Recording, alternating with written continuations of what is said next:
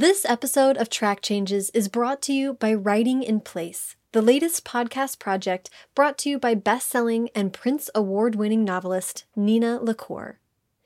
You're listening to Track Changes for practical advice on the publishing industry, but I would advise taking care to protect and nurture your creative side. Nina, whose podcast Keeping a Notebook is already a wonderful source of creative inspiration, has developed a new series within a series called Writing in Place. In each episode, Nina shares a story, a photo, and a writing prompt to give you the space to stay creative and connected, even in deeply uncertain times. Find Writing in Place in the Keeping a Notebook podcast feed and find more information and sign up for her newsletter at ninalacour.com.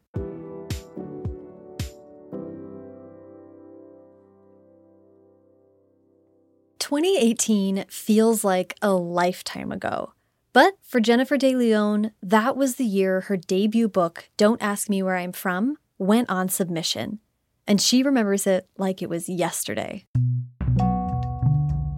I think it was like January 2nd or 3rd. She said, We're going out um, because we specifically waited.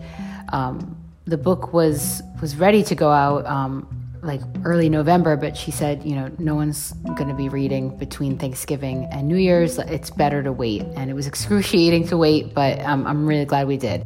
The she Jen is referring to there is her agent, Faye Bender, partner and founder at the book group. And Faye was right. Timing is important because once you're out, you're out.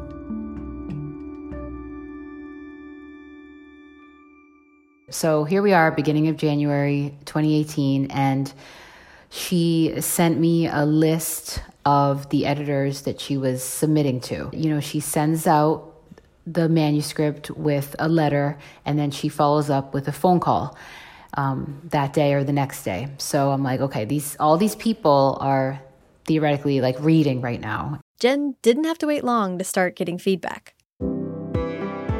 I was at the gym and I get an email and she's like, Stacey Barney um, is reading and is is halfway through and sent sent a quick email to say that she's loving what she's reading.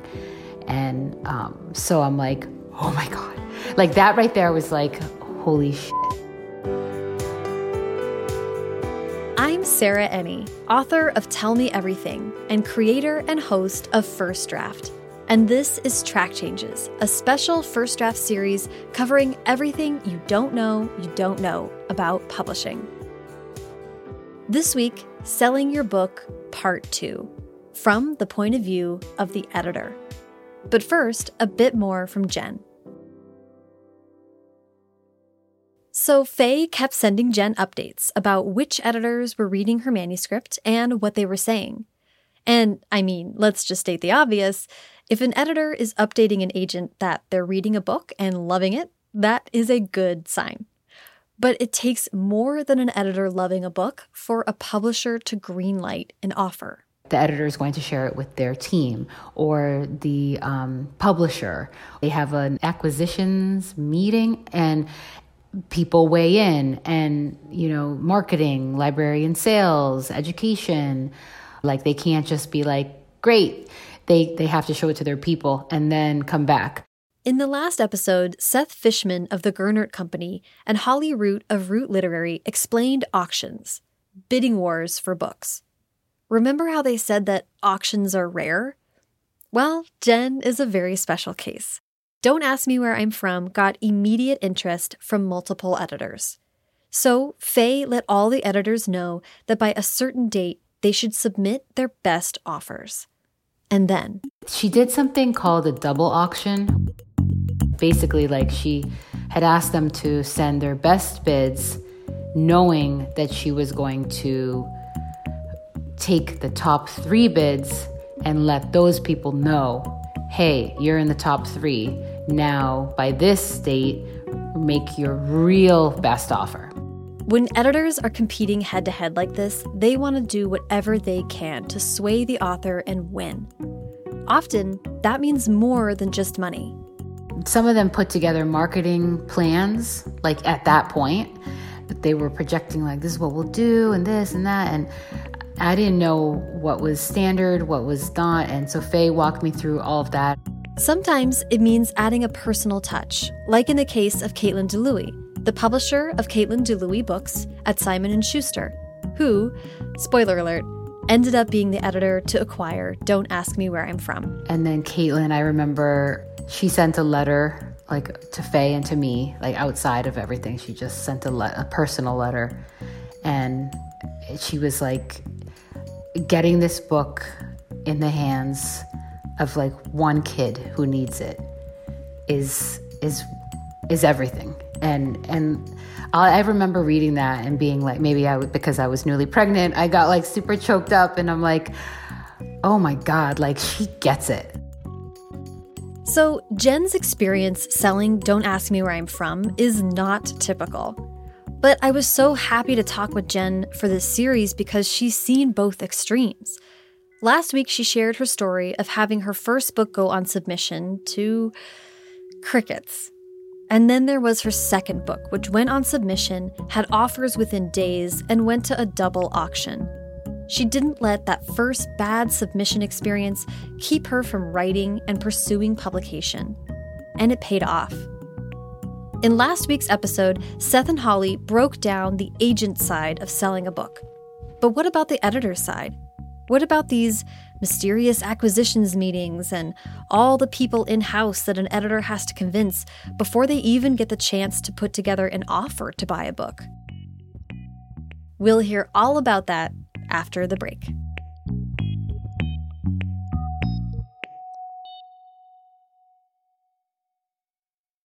I am so thrilled that our presenting sponsor today is Writing in Place, the new project from Nina LaCour that could not have come at a better time. Nina, best-selling and Printz award-winning novelist of We Are Okay, is also the creator of the Slow Novel Lab, a six-week writing intensive that is perfect for writers at any stage of their journey to go deeper into their work. Nina also has one of my favorite writing podcasts ever, Keeping a Notebook. It's calm, reflective, and always inspiring. Now, she's made the perfect spin off series for all of us trying to stay creative in deeply uncertain times. Writing in Place is about writing and about home. In each episode, Nina shares personal stories and reflections and shares a writing prompt that you can use to reignite your creative fire if you're having trouble, or just serve as a peaceful few minutes of the day. Even if you're listening to this when the pandemic is a distant memory, Nina's prompts and thoughts on writing are evergreen. They're a perfect way to ease into or out of a day of creativity. Listen to Writing in Place in the Keeping a Notebook podcast feed. And to get the photos that go along with each episode, subscribe to Nina's newsletter at ninalacour.com.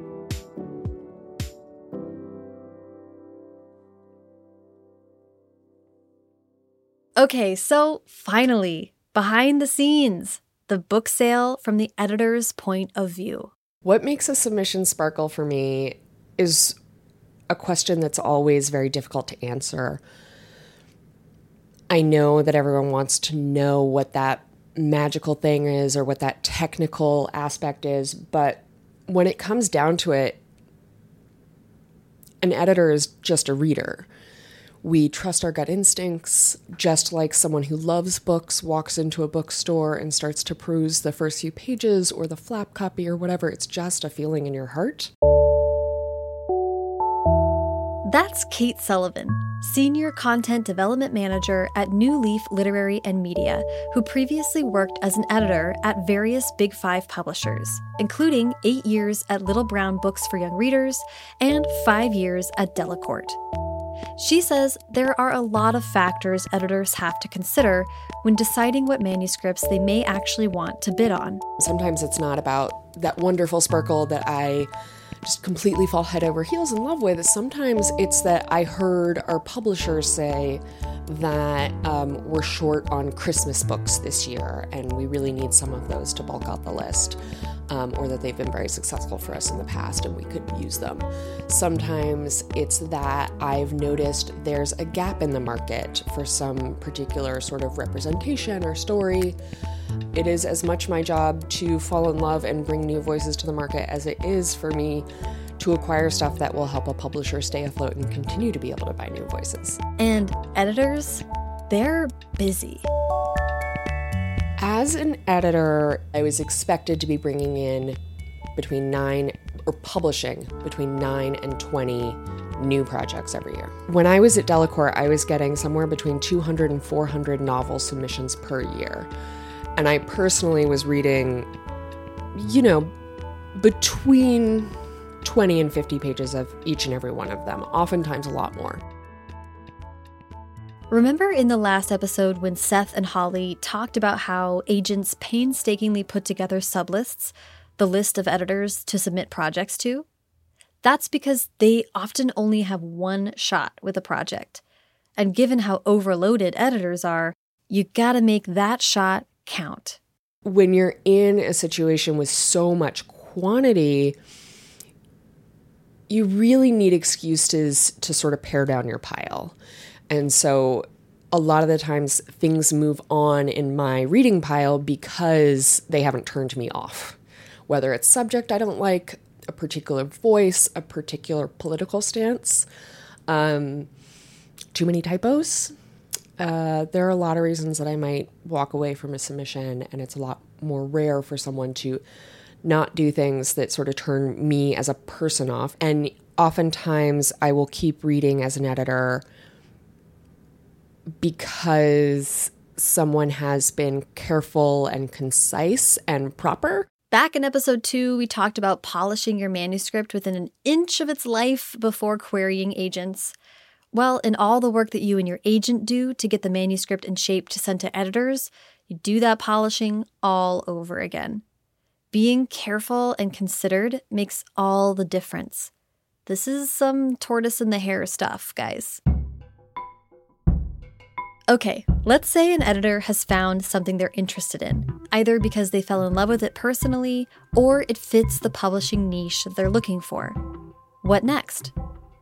Kate says they have to start the process of getting their coworkers on board, and that process is known as acquisitions. So, the first step after finding something that I would want to acquire or was interested in pursuing is to get other readers to back me up.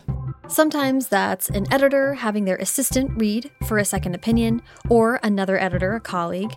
And sometimes Kate says there are very formalized structures put in place, hurdles that every editor must jump through. Something like having three other editors read the book and give it a thumbs up before that first editor can go to the editorial director and say they're interested in offering on that manuscript. I just want to pause and emphasize that for a second.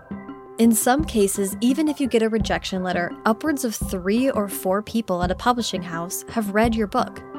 It's a little head spinny, right? And I can tell you from experience that agents and editors are readers with minds like steel traps. That means often, if they read your book and liked it, just not enough to buy it, they'll remember your name if you're on submission again, even years later, with something new. It's important to keep in mind at all stages this is a long game. Okay, now back to acquisitions. There are three kinds of acquisitions committees in my knowledge, my limited knowledge.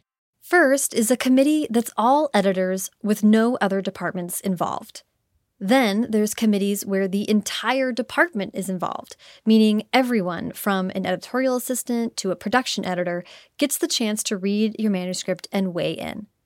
That's a bit more unusual. The third and most common type of acquisition committee consists of the heads of departments at the publishing house getting together the publisher, the president, the marketing director, the finance director, the subsidiary rights director, the publicity director, and the creative director. While all this is going on, your agent is metaphorically looking over the editor's shoulder, waiting for the right time to follow up. And Kate says follow up can be a sensitive thing. I gotta be honest, if an agent follows up too soon and too aggressively, it turns me off immediately. I tried to be pretty aggressive and read all of my submissions within three weeks, or at least start them. Um, at least start to read all of my submissions within three weeks of getting them. It's a job that you take home. It's a job that you agonize about because every single thing that I do without consideration is a feeling hurt, is a heartbroken. It's a very heavy emotional burden to carry the hopes and dreams of a lot of people on my back. And so if somebody follows up too early, I want to throw them out the window because I'm like, do you know how hard I'm working already? Like, I can't move this fast. So while you're on submission, obsessively refreshing your inbox, just keep that in mind. That being said, if your manuscript is kicking up interest somewhere, Kate says that's something your agent can and absolutely should follow up with ASAP. I expect them to fill me in on whether or not they are getting interest elsewhere. Is it moving to editorial board at a different company? Is somebody putting together an offer? You know, I can't participate in a competitive situation for a manuscript if I don't have all the information. It's important for agents to be updating editors on that kind of thing because the timing of acquisitions meetings are different at every publisher. Sometimes they're held every week, sometimes only every three weeks. And sometimes, especially in the case of a hot manuscript that people are bidding on fast, acquisitions meetings can be called on an impromptu basis. Because editors and agents, they're always playing the game. There are a couple of routes you can take as an editor you can do the I want this so bad that I am going to not tell anybody anything and come in with a big preempt so that everybody is startled.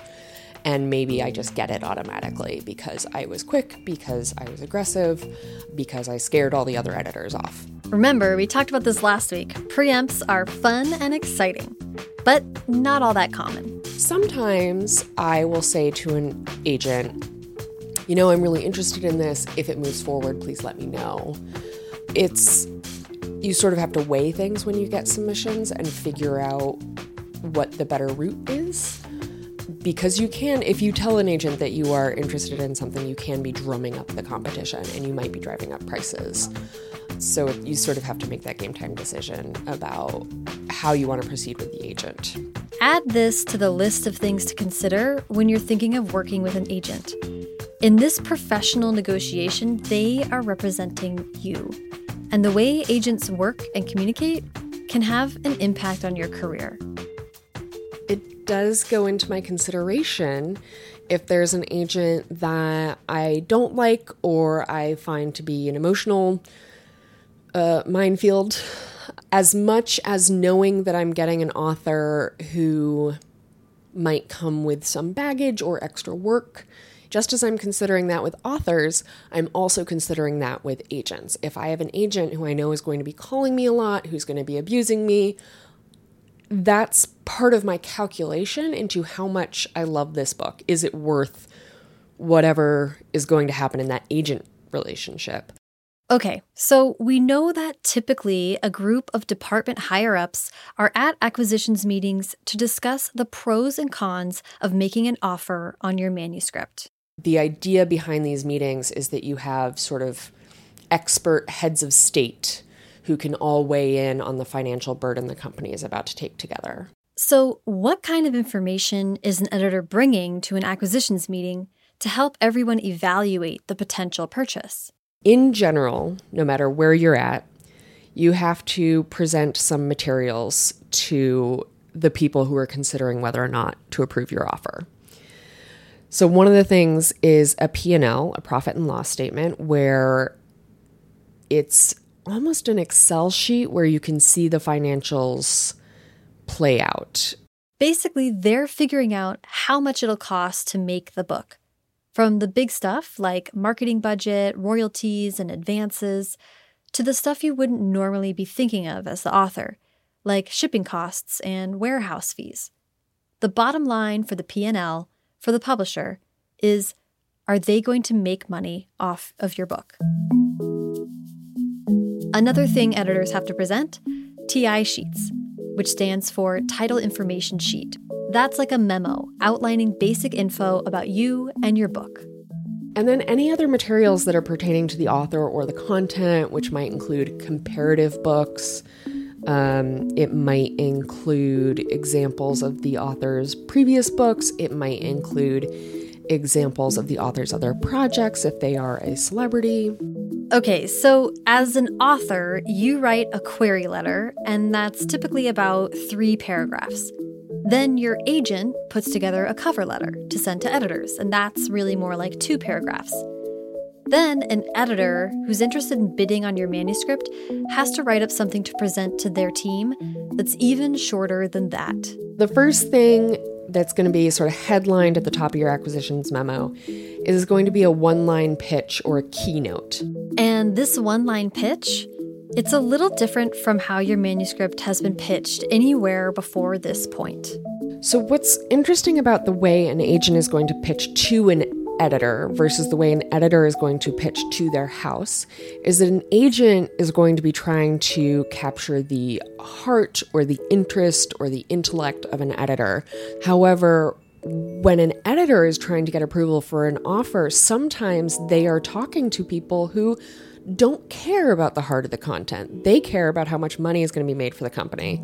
So, Sometimes that means that we're pitching in a way that's like, hey, this person has 5 million YouTube followers, or hey, we know that there's a lack in the market because we saw this recent series of articles.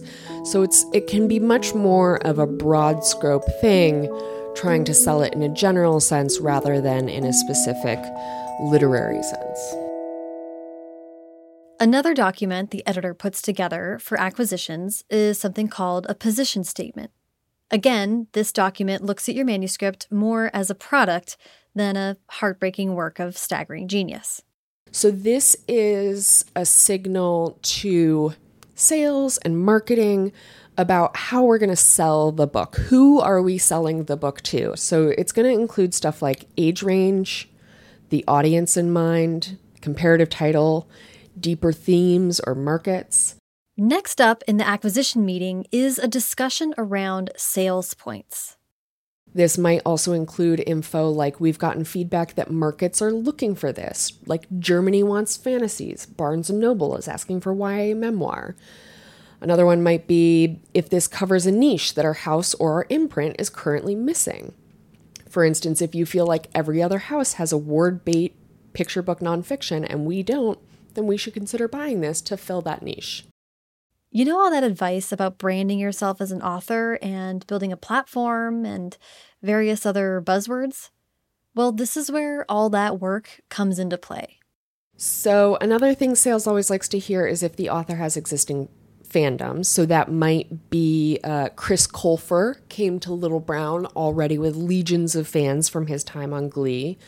It might be um, a booktuber who is now writing fiction, already comes with a huge following. There are a lot of different ways that people can come with an existing fandom, but it's always important to know because that might be sales automatically baked in. Then there's if you're an interesting person in some marketable way outside of platform. Then I'll want to tell my acquisitions committee about marketing or publicity hooks. So this might be, um, you know, this author's mentor is Nicola Yoon, and her social media following is in the tens of thousands, or he writes for TV. He's already a teacher and will be great at author events. So, those are benefits that the author already comes with and help us sell the book. Um, we also want to know about the author's past successes sales, media coverage, successful projects in other arenas. Um, which might be film, it could be acting, um, it could be art. Um, but whatever it is, it's always good to know that they come with an extra little oomph uh, that can help the sales. Okay, so at this point, you're asking, what about the actual book? Does anyone care about my precious, precious words? Yes, honestly, they do but they might not be talking about your work the way that you dream about. Oftentimes, acquisitions memos will include editorial notes. So, this is an editor's way of saying, I know, I know, I know there's a problem. I know you're going to come at me and tell me the middle was slow, or that character was unconvincing, or you hated the ending. So I'll include editorial notes to say, don't worry, my plan is to work with the author to fix XYZ and how I suggest fixing it. Doesn't necessarily stop people from bringing it up at the meeting, but I always tried. Then there are those pesky downsides, drawbacks or extra circumstances that need to be addressed. Kate says editors will often identify those potential issues and present a plan to get ahead of them. Like, it's a debut, so it's going to be a higher marketing budget to establish a new series. The author's sales track isn't great. He lives in remote Alaska and will not travel. Uh, there are a lot of different things that can sort of make the selling of a book a little bit more complicated. And lastly, comparative titles. This is a phrase that every editor dreads, I think.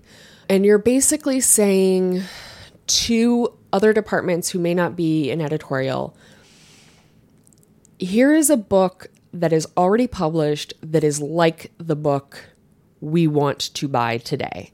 So, this can give us an idea of what the market is like for what we're going into. It can give us an example of what the sales might be. Um, oftentimes, it'll give us an idea of sales strategy or, you know, uh, genre. And the other thing I have to do is look up the sales numbers for those comparative titles, whether they're within our own system or on Bookscan. Side note Bookscan is a sales data service owned by the NPD group. They used to be Nielsen, as in the TV tracking people. it records roughly 85% of all hardcover and paperback book sales. It's the industry standard calculator for general sales data, even though, as I just said, it is widely understood to not be fully accurate. All this information the one line pitch, positioning statement, sales points, existing fandoms, marketing or publicity hooks, editorial notes, potential downsides, and comparative titles gets factored into that granddaddy of them all, the profit and loss statement. Now, the P&L statement is a business document, but publishing is a bit of a woo-woo industry. I'm an editor. I didn't go to business school. so when I'm filling out that that P&L, a lot of times I'm using comparative titles and saying, you know, I know this quiet literary novel from X sold that many copies, so therefore we can at least do that. But I know that Little Brown does amazing with literary titles, so I'm gonna bump it up a little bit more. Or I think this one has more of a commercial hook, so I'm gonna bump it up a little bit more, or whatever. Um, but it is absolutely fuzzy math. Um, this is all quite a lot of work that an editor is doing for a book that they have not yet purchased. Correct. So, this is already a lot of work to be doing before we even walk into the acquisitions committee meeting. Plus, they're doing multiple P&Ls, updating the numbers based on research and feedback that they get from other departments. That's all on top of editing and advocating for books that they, you know, already bought. So, what happens if the acquisition meeting goes well and an editor gets the green light to put together an offer? Personally, as an editor, I would sit down at the at my desk and call the agent with an offer. You know, inevitably they have to play it cool. Thank you so much. I appreciate it. I know this was a lot of work. I'll talk to my author and get back to you. At this point, you'll get the chance to get on the phone with an editor. And much like when you talk to a potential literary agent for the first time, it's helpful to get on that phone call with a few questions. Ask about what revisions the editor is thinking of to see if your artistic visions align. You can also ask what plans the publishing house has for marketing and publicizing your work. What do they see as the target audience for the book, and how do they plan on reaching those readers? Editor enthusiasm is key to a book's success. We'll talk more about that in a future episode. But on the call, you can also try to get a sense of whether there's other cheerleaders at the publishing house for your book. Do other team members, besides the offering editor, jump on the call? Is it clear that the rest of your team has read the book and are excited about it? And as ever, it's all about vibe. Do you like this person? Do you like them as much as they like your book? At this stage, your agent and the editor are going to go back and forth on the fundamentals of the contract. Things like the amount of the advance, the payout schedule, the book's release date, the option clause, and a few big sub rights like foreign rights, audio rights, film, and TV. There's a little bit of tinkering, even in the scenario where, you know, there's not competition from other houses. Sometimes I think um, publishers will stay firm at the original offer if they know there's no competition. I mean, it's still a capitalist society, and that's how things work. Um, but a lot more times, it it'll be a fair and kind negotiation where the editor knows that the author has to make a living, and we're trying to find a way that the publisher, me, can publish the book without. Um, you know, taking advantage. You never want to start out a relationship on the feeling of um, taking advantage of somebody, but you also uh, represent the company, and I am essentially offering somebody else's money. so, uh, you know, I can't always give on things. Once your editor and agent come to an agreement on the fundamentals of the contract, the editor puts together what's called a deal memo, which outlines the negotiated terms. You take a look at the deal memo, and if it looks good to you, then you accept. Woohoo! That's it! Right? Pop the champagne? Yes, yes to champagne, or seltzer and lime, or any celebratory beverage of your choosing. You have chosen an editor. But the deal memo is not your contract. The contract is not yet final. Your editor passes the deal memo off to contract professionals at the publisher, who then hash out the more nitty gritty details with your agent and come up with what will be your book contract. That negotiating process can take weeks. In the meantime, your editor moves on to rereading your book and writing an editorial letter. And what about you? Well, you just sort of hang out. Be warned, after all the hustle and bustle and excitement and phone calls and emails and frenetic activity of selling a book, once you finally agree and have a congratulations call with your agent and talk to your editor, you are then going to lapse into a period of total silence. This could last a couple weeks or a couple months, maybe even longer, and it is normal. Okay, months isn't so normal. Maybe be on the phone with your agent about that. But that period of silence is normal. Nobody gets canceled in between that first deal and that editorial letter. Like it just doesn't happen. I had to do so much gosh darn paperwork to make this thing happen. I am not canceling because I suddenly changed my mind. I'm just not. It's not worth it to me. You know, 95% of new debut authors who have just been signed are going to get a long period of silence. And that is okay. I promise you won't be canceled. Just sit back, write your next book with the knowledge that you have a contract. Let me say that again for those in the back. What you should be doing during that time of silence is writing the next book. So, now you have a sense of what the process of selling a book looks like. But there's some really key details that we didn't flesh out fully advances and contracts. I mean, you go into this hoping it works out, that it's a happy marriage, but you negotiate the contract for the divorce, the potential divorce, right? And so that's what it's there for. That's next time on Track Changes.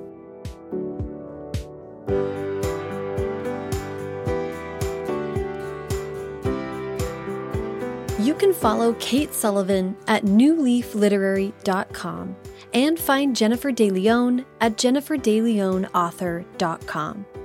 You can follow me at Sarah Enni on Twitter, Instagram, and everywhere.